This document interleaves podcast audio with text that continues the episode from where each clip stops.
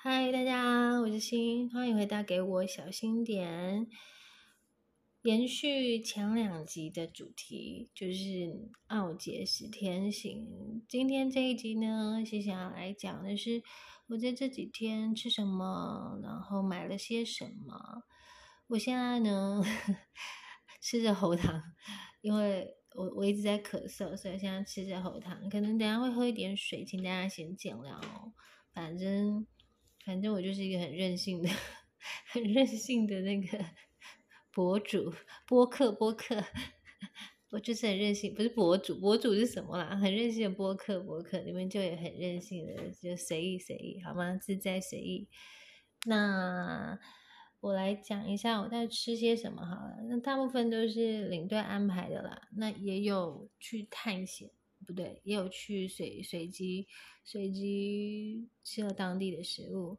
那希望大家可以边听边想象。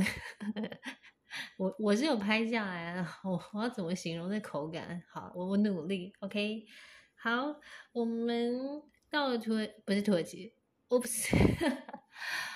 对啦，我疫情前去了一趟土耳其，我到现在很喜欢啊！土耳其，土耳其，拜托大家一定要去好吗？OK，我怎么讲土耳其？当然，我到布拉格的第一第一个第一个中餐就吃了当地的那个当地的料理，嗯，它跟土耳其料理就是地中海系的欧洲料理不太一样，这里是偏内陆国家，所以内陆国家呢。就是有湖泊，会有淡水鱼，就像鳟鱼啊、淡水鱼啊、比目鱼啊这类的鱼，就是那个深海的远洋鱼是是非常高档高级的，那这边比较吃不到。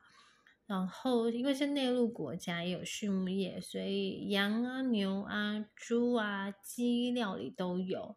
那猪的料理比较多一点，我的感觉啦。那这里因为是有盐矿，然后又是呃吃的很咸，那吃的很咸又吃的很甜，就来自于他们的历史文化，以及在很久很久以前，如果你有糖，你有盐巴，就代表你是非常高级有钱的人家。那皇宫贵族都是这样子。那也就是像我们在台南古城，为什么吃的比较甜一点？也就是以前，呃，台湾的发展也是从台南一路往北嘛。那台南有产产糖，有盐，那所以吃糖的象征就代表我们是有钱人。所以在呃捷克跟奥地利吃的都比较咸一点，然后那个咸是真的很咸哦。那个咸是真的很咸，就是你必须要配面包，你必须要配水。那那个甜也真的很甜，好，就是对于清淡饮食的心来讲，真的是吃大把大把的盐巴跟吃大口大口的砂糖的概念。但久了之后也很喜欢，也不是喜欢，就习惯了。好，所以就是吃肉、吃糖、吃甜点、喝酒，这是我这几天的行程的那个饮食。那所以呢，我们就到了当地就开始入境随俗，就吃吃盐巴、吃糖水这样。好，那有有一天的晚餐，我们就去伏尔塔瓦河。伏尔塔瓦河是整个贯穿，嗯，贯穿哪里呢？我我竟然竟然忘记忘记了。好，就反正就是，呃。突然宕机，好，反正伏尔塔瓦河是一条很重要的河流，好，大家自己去 Google。我现在忘忘记我介绍到哪里。那那我们在那个河上面吃吃游河，吃 buffet 这样，那一样也是一堆熏肉啊，等等等等的，然后配配酒。呃，捷克的酒，捷克有自己的啤酒，那捷克的酒呢，比水还要便宜。那有非常多的牌子品牌，呢呃，包含他们的葡萄酒啊、白酒、红酒跟啤酒，其实酒精浓度在我喝起来都偏淡一点，都偏淡一点，所以可以当水喝。在那里水真的比较贵，酒真的比较便宜。那以我刚刚回来的那个汇率换算的话，一块欧元是大概。乘以三十四吧，三十四台币。那捷克克朗的话是一块捷克克朗大概是一点五块台币，也就是呃捷克的当地的价格乘以一点五就是台币。好，就是大概汇率是这样子。那在捷克大部分都是用克朗，比较少用欧元。你你用欧元，他他给你找的话，他找克朗给你。那你其实带信用卡线上支付是比较方便的。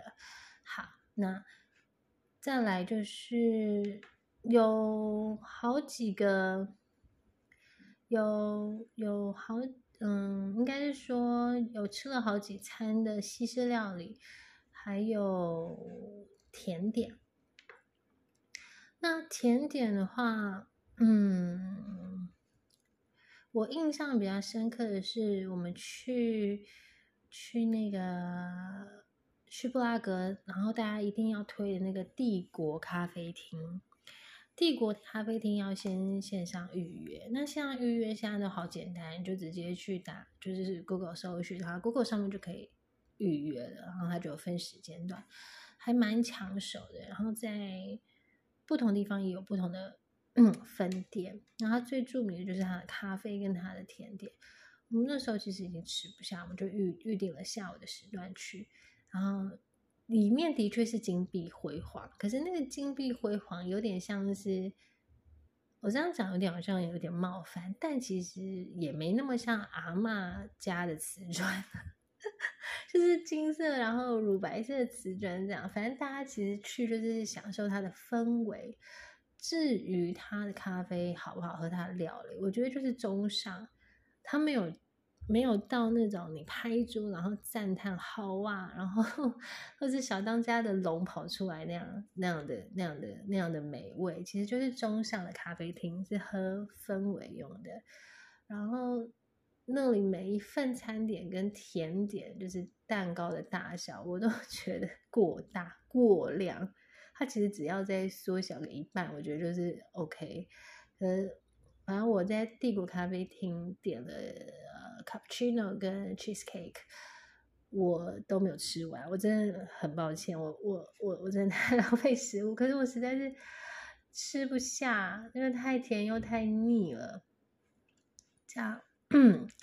那大家也是可以去啦。就是它它它的里面的环境就是金色乳白色系，很漂亮。然后服务生就穿着也是穿着就是很正式的服装这样子。所以帝国咖啡厅可以喝，那就是喝气氛用的。那其实领队有介绍很多很多点，我们没有办法每一个每一个都。就是去踩点喝咖啡，喝到应该会喝到吐这样。我曾经我忘记在哪一天，我从早一直喝咖啡喝到晚上，因为实在太腻了，就就必须得喝。嗯，哦，还有在捷克一定要吃，也不是一定要吃啦，就是大家都会推，叫做一个叫做烟囱卷。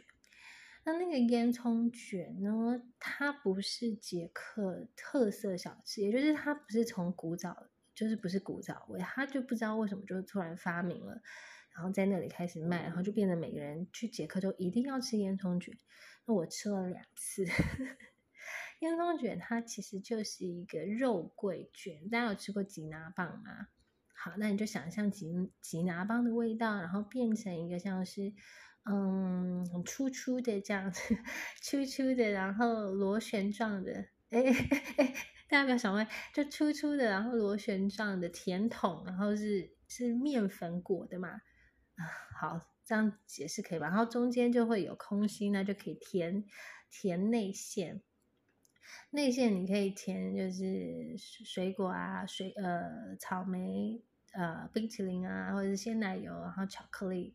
反正总之，它其实就是面类啊，那种面包类，然后变成卷，然后烤烤烤烤烤，有有有肉桂味，然后上面加加糖粉，然后再加再加一些内馅，然后内馅也可以选择，呃，手工制作，一个人我我一个人吃不完，我要跟另外一个人 share，这样大概捷克币。捷克克朗便宜的一百五十，呃，最便宜的就是基本的，就是你想想看，想象一下它是，呃出版的空心的绕圈圈的胖胖的吉拿棒，但味道没有吉拿棒那么吉拿棒，就是它的肉桂味没有那么重，然后上面有糖粉，然后。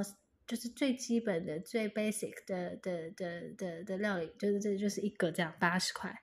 那如果你沾一点，上面就沾一圈巧克力，里面沾一圈巧克力，好像应该是八十块吧，这是最基本款。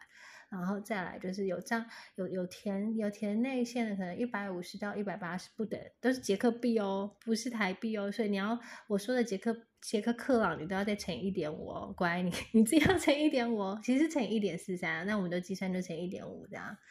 这样算比较好算。好，那那个我吃了两次，因为我我要在捷克的境内把所有的克朗花完，因为你离开捷克，克朗就不能用了，也没有地方给你兑换，所以我换了克朗，我我就是要把它花完。我大概换五十元欧欧元的克朗，来换了一千多块克朗，我就是想办法把它花完。可是其实很多地方我都用刷卡。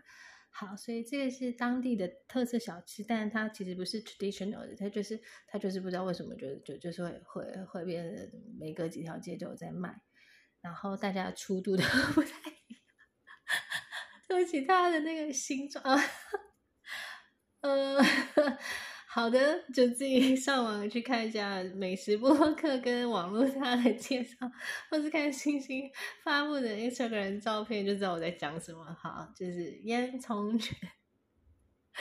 OK，然后再来，嗯，在当地就是他们其实也有咖啡豆，我没有搬咖啡豆跟咖啡粉回家，因为我觉得我我我不是那么研究咖啡豆的人。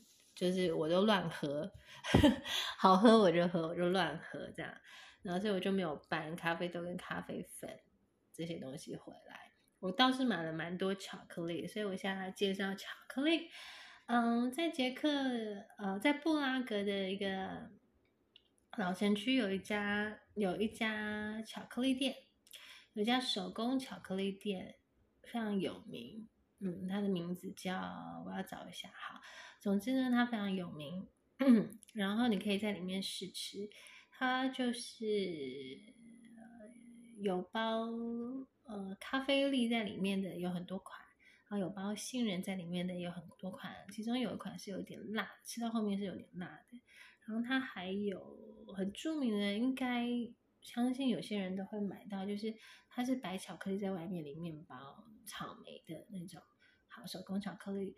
呃，要价不便宜，就两百到三百多克啦，一个一个这样一盒，然后还有巧克力片。那我觉得甜度对我来讲是也是微稍微过甜，所以我就是你知道吗？我我去外面旅行，我当地试吃完，或者我吃一个小样的 sample，我回到我回到家之后，我所有买的东西我都不是自己吃，我全部都是送人。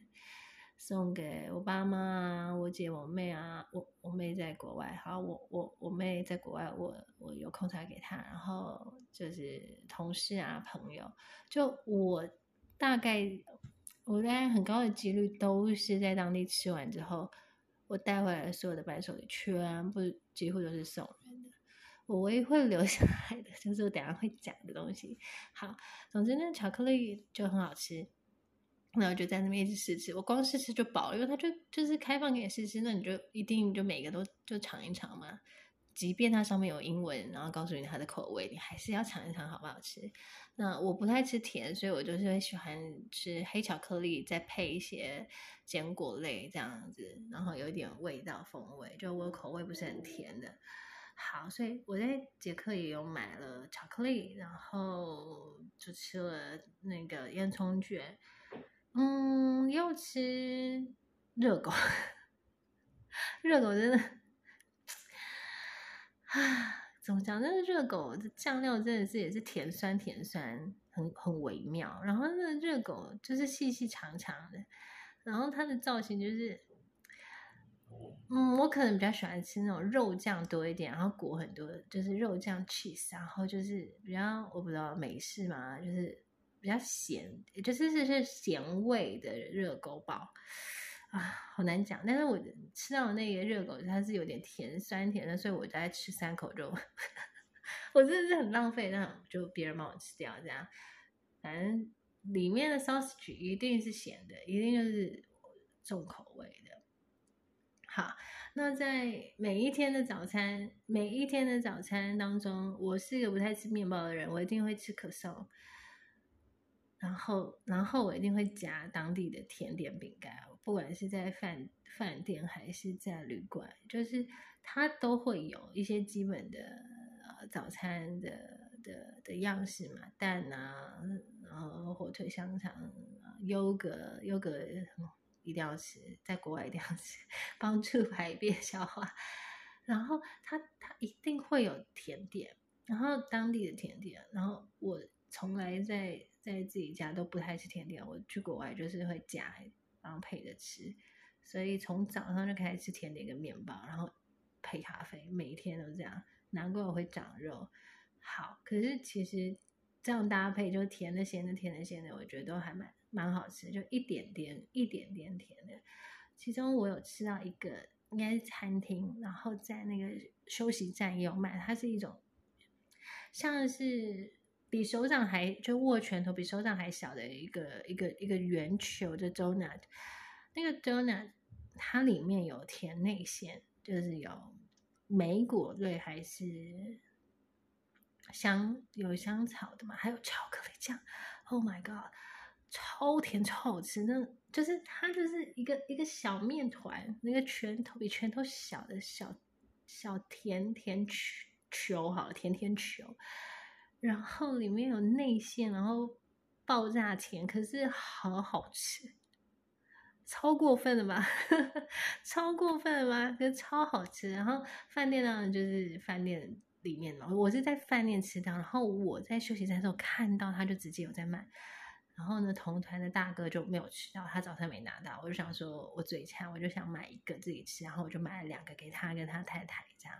一个就是休息站，我刚刚形容那个大小十九块克朗，好，自己乘一点五，好，OK，乘出来，OK，就这样，好，就很甜，所以你要配咖啡，要配茶，要配水，嗯，但是在我在捷克跟维也纳的时候，几乎买不到无糖茶，就他们没有瓶装类的无糖茶的概念，就是一堆很像雀巢的，还是什么什么美丽果那类的的水果茶。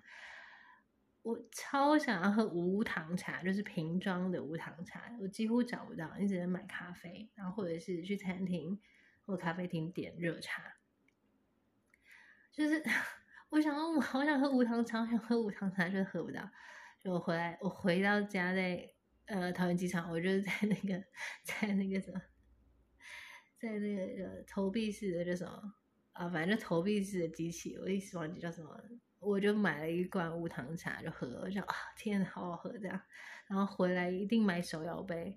我我昨天看完病买手摇杯，我就买我心心念念的普洱茶，温热的一分糖。说好的无糖呢？没有，就是一分糖。我就喝就无糖茶，无糖茶。对我不是回来喝珍珠奶茶，我是在喝无糖茶。好，就甜点可以吃，但适量，少一点。好吗？就会开心，可是不要太多。好，那再来，还有一天呢？哦，还有一天就是我呃自助呃自己跑去搭搭缆车，然后去看那个跳舞的房子的那一天的晚餐，我们就从那个山上，嗯，就缆车的山上走下来。然后我们就沿着，我们也没有特别早，然后就走走走走走走走走走，走到我记得应该是大使馆街区，因为我就看到很多不同国家的呃旗子，然后又有欧盟的旗子，我就大概猜测它应该就是大使馆街区，然后就走走走走，天色也晚，差不多晚餐时间，我们就找到一家叫做 Street Martin，啊。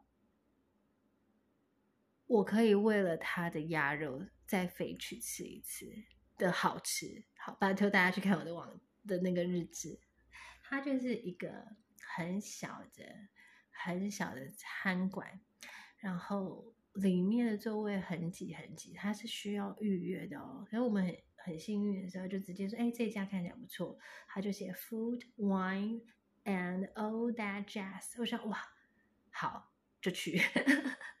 它里面当然就放一些爵士乐，然后就是餐厅很小很挤，这样，然后就我们进去的时候有两个桌子是没有定位，其他都被订起来。那呃，在要去之在要进去之前，就快速的看了一下 Google 的评分，就发现哇塞，它这 四点八颗星还是四点七颗星，然后里面也有就是呃其他旅客的留言，然后说什么什么必吃，什么什么必吃这样。我就说好，反正是晚餐时间，我就就本来就是很很享受西式晚餐，那我就点了呃汤。那汤呢，我还特别问说有没有清汤一点，就是比较不要那么浓稠的，有没有比较清汤一点？他说 OK，有有有那个马铃薯汤。我说 OK，好，马铃薯汤是浓汤。对，马铃薯怎么可能是清汤？但就是浓汤。他认为的清汤是，我觉得浓汤好，那无所谓，就很好喝。然后再来就是小沙拉，就是全部都是叶子的沙拉，什么芝麻叶啊，就是你可以想象得到的生菜沙拉的那个苦苦的菜叶类版本。好，重头戏就是主菜，呃，一个是鸭肉，一个是。炖牛肉，红酒炖牛肉，我超爱红酒炖牛肉，我自己就会煮红酒炖牛肉。然后我们就我我们就点这两道。我我跟你说，我心目中喜欢的红酒炖牛肉，它不是我最喜欢，可是它也非常好吃，可是重咸版。但是它红酒炖牛肉里面的那一大个香菇，真的，我的天呐，超级无敌 juicy，跟没有什么太多的菇味，就是好好吃，就一大片。我不知道它怎么做的，我现在讲到我肚子饿了，就是啊。然后他对他就一定是配马铃薯泥，就是哇完美。可是当我尝到另外一道鸭肉，我我我真的，你知道鸭肉是一个很难料理的肉。就我看那个料理 节目大赛，它是一个非常难料理的肉，因为它鸭肉它有肥的那个脂肪，然后你要把它煎到焦香，然后肉用。Pink pink 这样，然后要调调味非常的好，然后，哦，我现在吞口水，我真的可以为了他那一个鸭肉再飞去，如果我有机会的话，真的很好吃，是我心目当中的鸭肉鸭胸，应该是鸭胸肉吧，反正鸭肉的的 number one，我觉得它 P P K P 掉我心里喜欢的炖牛肉，就是这一家啦，但对啊。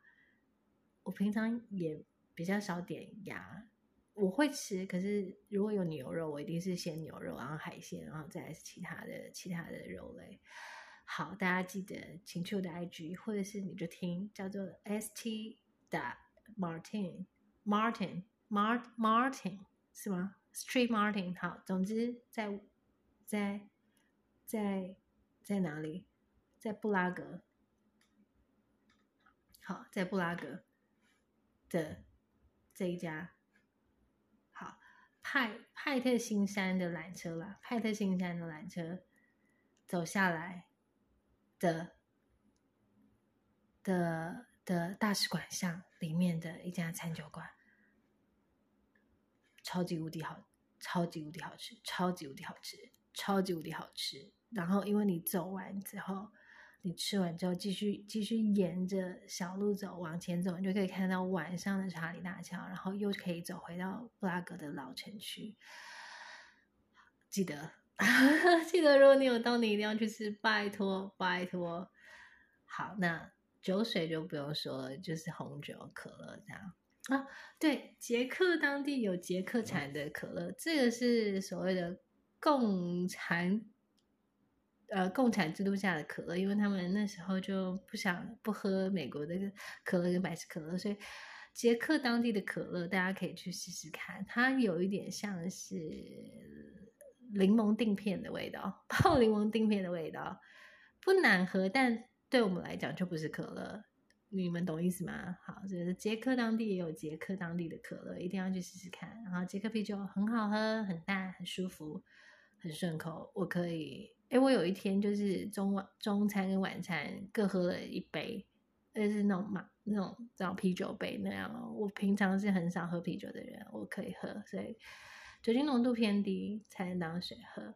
好，那，呃，当地的餐点都是这样，就是咸啊、甜啊。那我要介绍维也纳，我吃过了什么比较有兴趣，不是有兴趣，比较特色的，我记得的东西，这样。嗯，维也纳的咖啡好。我们拉车前往维也纳的时候，中间经过一个停车，呃，车站就是一个好像是很有名连锁的那个超市，然后里面有买了一个维也纳咖啡。维也纳咖啡就是黑咖啡上面加鲜奶油，然后加巧克力碎片，所以当鲜奶油碰到黑咖啡的时候，它就会融化，然后。就会变成有奶的咖啡。那你要在鲜奶油跟巧克力碎片还没有融化的时候喝的时候，你的那个嘴巴上面就会有那个鲜奶油泡泡。这样，那我们去到那个休息站的超市，你点了这个咖啡味那咖啡呢，你可以把那个杯子带回家，就是你可以去旁边选一个杯子。所以我现在就把那个杯子带回家，它就是我的泡茶咖啡。我觉得蛮有趣，就维也纳咖啡可以喝。就我忘记几块，十三欧吗？还是忘？我真的忘记。我出国都忘记价格，反正就刷了，反正就付了，管他。就你已经出来了，你在那边斤斤计较什么？呃，有有一些东西要斤斤计较，但是但是但是很多时候你不需要太计较太多，因为出来玩就是玩一个一个一个开心，一个一个爽度嘛，对不对？好，所以呃，维也纳咖啡我喝了一杯。因为我不喜欢喝有奶的咖啡，我以前会喝 latte，但是我现在尽就是尽量少，所以我就是几乎都是黑咖啡。那我维也纳咖啡就我也没喝完，我真的好糟糕。因为我拍完照之后，然后弄一弄东西，然后喝的时候，它已经开始融化掉，所以它就它就已经变成奶味的咖啡了。然后底下当然黑咖啡是苦的嘛，然后我就是喝一半，然后也是要请别人帮我喝掉。我。我我我我的旅行如果是完全一个人的话，我可能会浪费非常多的东西，真的是很糟糕的女人。好，那再来就是不免俗的，还是有吃到可丽饼啊。可是可丽饼虽然这里不是发源地，但可丽饼就是可丽饼，就是软软的法式可丽饼，这样也是也是一样甜，一样甜，然后一百多这样。我觉得看景比较值得。景景才是可以吃饱的吗？景景景好像不能吃饱，但是看景真的值回票价。好，那嗯，这里的各式各样的汤类都是咸的，然后鱼料理比较贴近我们可以接受的口味。猪肉料理，同团的朋友们说会有猪味，不管它是乐牌啊还是。猪排啊，炸炸猪排啊，好牛料理就 OK，都正常发挥；鸡料理也 OK，正常发挥；面包也都 OK，正常发挥，好吃。甜点就是超级无敌甜，所以我都有有生菜有优格，我一定会吃比较多一点。粥水就像我刚刚说的，就是偏淡，可以可以可以狂喝猛喝，爆爆喝一波这样。好，那另外一个。呃，我要介绍的是我们去，嗯，我们去那个呃哈斯达特看了人间仙境的湖之后呢，就在那里就在那个湖区吃了一个甜点，叫做西西公主甜点。西西公主甜点，嗯，我好难形容哦。就一样是甜，巧克力基底。对不起，我像这是语语表丧失，大退化。好，就是甜，可是反正你一定要吃一块西西公主的蛋糕，你才有来过，才有来过湖区哈斯塔克湖区。是我要说的，你一定要吃过西西公主蛋糕一块，还有鳟鱼晚餐，就这样。因为那个哈斯塔克湖区。它是一个观光地方嘛，然后当地的居民有，然后但是因为那个湖区是自然风景非常美的地方，它其实其实没有太多的餐厅，所以就挤一两家咖啡厅哦，好像有一家苹果派我没有吃到，然后一个鳟鱼的晚餐就是大家观光客都会去的，然后鳟鱼的晚餐嗯还 OK 啦，可是鳟鱼有非常多的鱼刺，就是吃起来挺挺挺辛苦的这样。好，谢谢公主。七公主蛋糕可以吃，然后我把它吃完，因为我觉得西公主是一个嗯，蛮蛮蛮蛮辛苦又蛮厉害了不起的人的女性。好，所以大家自己去看她的故事。再来，再来就是讲到呃，我买了什么纪念品？对啊，我这一集是要讲我买了什么纪念品，就讲了半天。好，新买回来纪念品非常的少，我有买巧克力，我有买酒，我有买非常多的，也不是非常多，我有买一堆，我我有带一些明信片跟艺术品，然后有买包包，这样。好，那。首先，我要先讲的是巧克力，在布拉格的老城区的那家手工巧克力，我有带了几盒，就是送朋友的。因为我说过，我就自己吃这样。那到了维也纳，你们一定要买的就会是莫扎特巧克力。但莫扎特他其实根本不知道他自己有在卖巧克力。好，那莫扎特巧克力呢，其实就是有一个甜点师傅，然后他呢就是要参加一个比赛，所以他就。呃，费尽心力的制作了一个非常难的巧克力，然后那个巧克力呢，就是里面有还开心果内馅，外面包一层杏仁，然后在外面包一层巧克力，所以成为一个球状。然后所以侧面切开的时候，它就是很漂亮同心圆，然后有三个颜色，懂吗？绿色、白色、乳白色加就是巧克力颜色，然后它因此就获得大奖。然后呢，他就把它，我也不知道为什么就命名为，我不知道为什么叫巧莫扎特巧克力。然后后来就是就是莫扎特的脸在上面。我我我我有点忘记后面的故事，但是的确是一个甜点师傅，然后他为了参加比赛，然后得了大奖。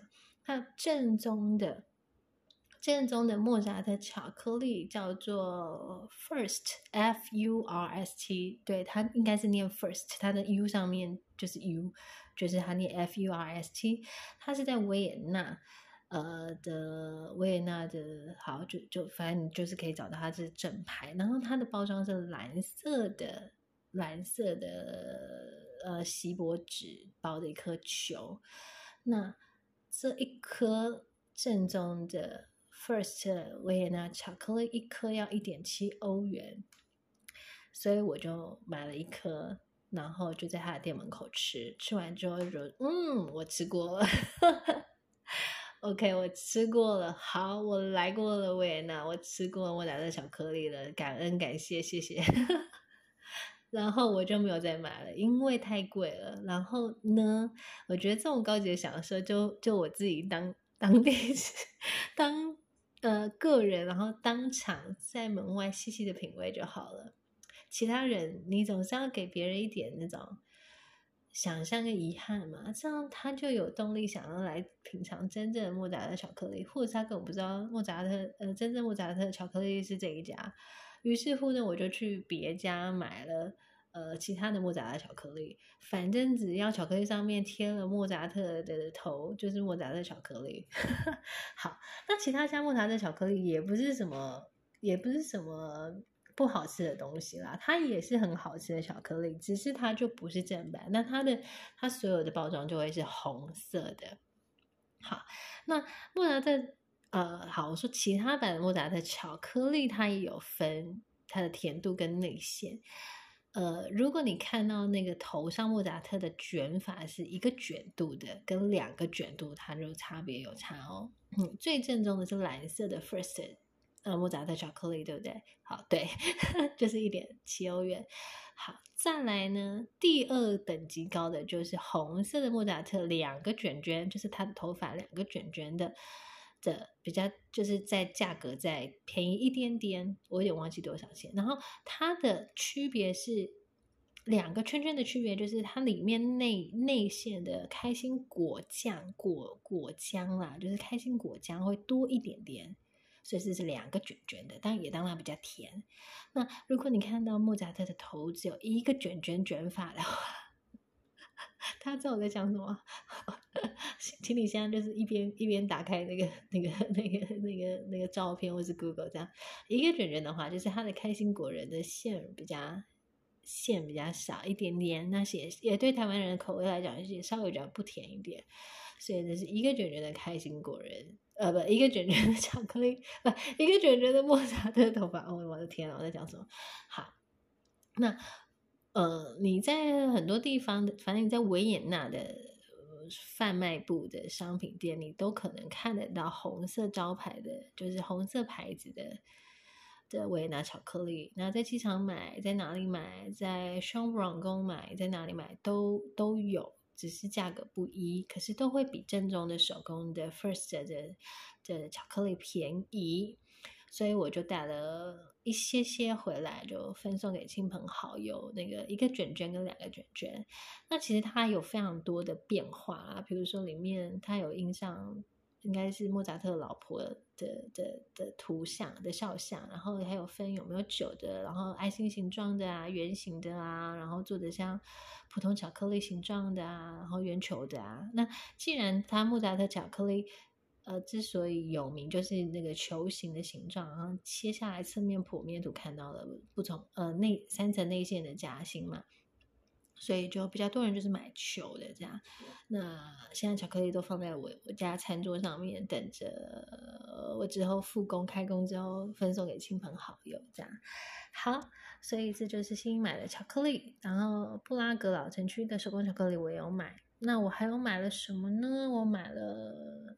就冰箱贴，冰箱贴、明信片。明信片我不习惯用寄的，不一定他会寄回家，所以我到每个地方，台湾各地也好，去哪里也好，我都会买一张到两张明信片。然后我会买呃街边路边的艺术家画的风景画，小幅的啦，小幅其实也很贵，不管是水彩还是怎么样的素描，我看到我都会。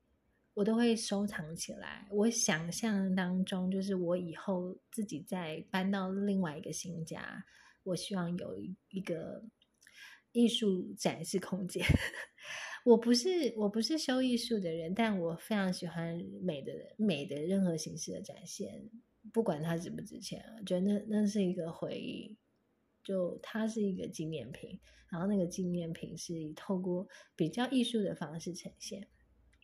所以，我同学们就会看到我，就是都会去看那个艺术小摊啊，然后去去转那个明信片的的的的转盘啊，反正就是我会挑一两张这样子带回家，所以我行李箱里面就会有一堆看起来是没什么价值的纸类这样。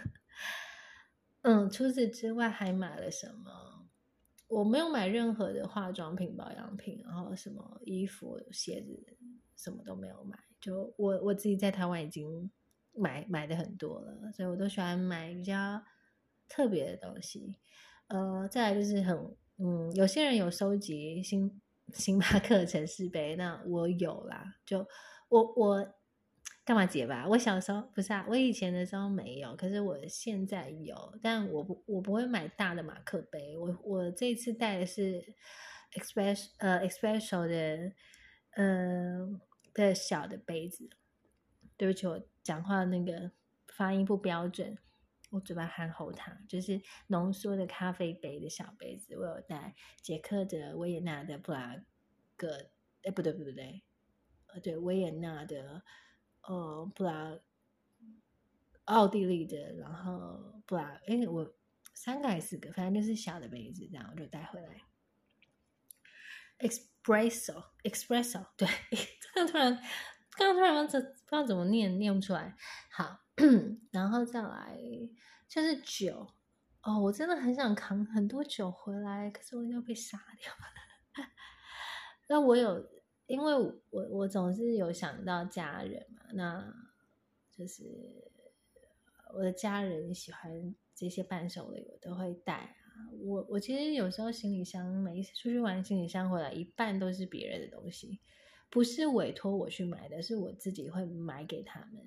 就当我的朋友或者是跟我很要好的同事、工作伙伴，其实蛮幸福的。我出门都会想到他们，我都会就是精挑细选，他适合什么，他适合什么，这个适合什么，他不能吃什么，然后我都会都会帮忙带，因为我觉得能够出去玩，或是能够。出差能够去哪里走一走，嗯，是是很幸运的事情。就是你刚好有时间又有钱，身体又 OK 健康，你其实是要要觉得自己是很幸运跟很幸福，可以出去冒险走一走。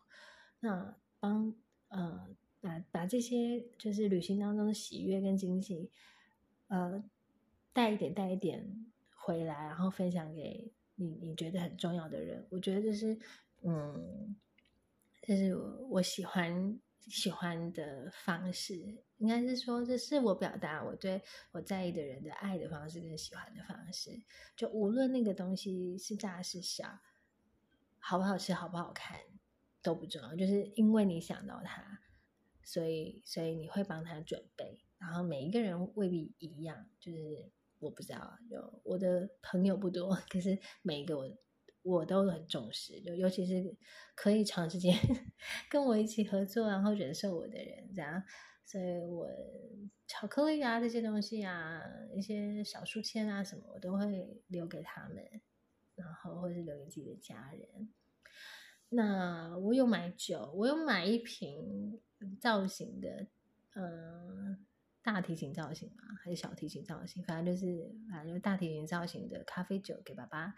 然后我有一次扛六支 冰酒，我知道冰酒有非常多，有非常多品牌啦，但我有喝到，我就一一口气带六支，因为餐厅老板说一支三十八欧，两支七十欧，三支一百欧。那我说好，我要六支。所以我行李箱里面有有分开来放啊，有六支酒，对，那冰酒就可以，嗯，过个节日的时候喝啊，就是嗯，酒、巧克力、明信片、艺术品啊，然后我去 s h o b r o n s h o b r o n 跟我就买了一个一个吊饰，就是我会旅行的时候，应该都是会买这些东西，最后还会放在家里的啦，就。杯子、明信片、呃，小吊饰、呃，文具类的用品，可能书签吧，书签会比较不容易弄坏，然后看书的时候可以用哈，呃，艺术品、画、小幅的这样的艺术品，然后酒这样，大概就是这样。那那个精品包就是 我个人啦，我个人想买。所以才买，其他就没有。那嗯，至于其他布洛克或是其他人推荐一定要买的什么美妆啊，什么那些产品，大家就见仁见智。因为对于每个人来说，旅行旅行的价值跟意义，旅行的意义，陈绮贞跟旅行意义不同，所以也不一定谁买了什么才叫做去过那边。我觉得能够真正留下来的记录，才是你走过的痕迹。那我喜欢用这样的方式去记录记录我我我看到的世界。好了，就我其实觉得我拍照的取景还蛮不错的，就很有我的风格啊。然后就不经意的街拍啊。哎，其实其实我真的每天很累，然后每天很累，然后在那个拉车的过程当中，我就开始就是把照片传一传，然后写下文字。虽然虽然我在 我刚破音，虽然我在我的小网小日记里面说，对我来说这些事情像呼吸一样，可是我我我我也是 我也是花很多时间在整理，好不好？我光是十天，我就不知道 PO 了几则小日记了，所以请大家可以去看一看，好吗？如果你觉得光听我说不够的话，请不要敲完我拍影片，我真的没有什么时间。然后以我这种要求艺术美感跟吹毛求疵的个性，我如果变成影像的记录的话，我我一定会折磨死我自己，除非 有人要跟我合作。可是。可是那个，那那就会暴露我真实的样子，就又圆又肥又短的样子，这样好像也会破坏画面。好，请不要逼我转成影像化，就我还是用那个那个平面的方式跟那个声音的方式分享给大家就好了。哈，目前就这样，以后以后再说，看我哪一天脑袋瓜又坏掉。OK，如果我还有没有分享到的，我再嗯，我再补充好了。因为每一个走过的景点，嗯，它有的历史故事，其实我我很想跟大家讲，但我不是专业的领队导游，我也不想要照着那个资料念给大家听。呃，我只能用非常浅白的话语表达我这一趟旅游真的很，嗯，感受非常非常的多。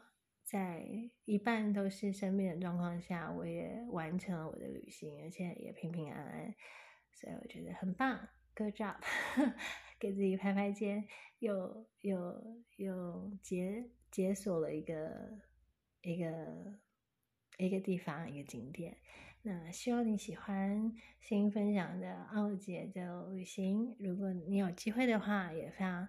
非常推荐你去一趟完全跟你所处的世界不一样的环境，去走一走。如果有假，真的不要浪费了；如果有一点闲钱，也不要觉得这个是一个奢侈的开销。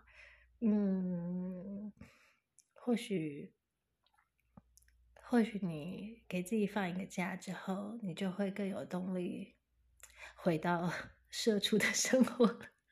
就像我一样，好啦，那就我们下集节目再见。如果你很有兴趣的话，就可以再听新其他的节目，像是介绍电影的节目，也都非常欢迎你继续收听哦。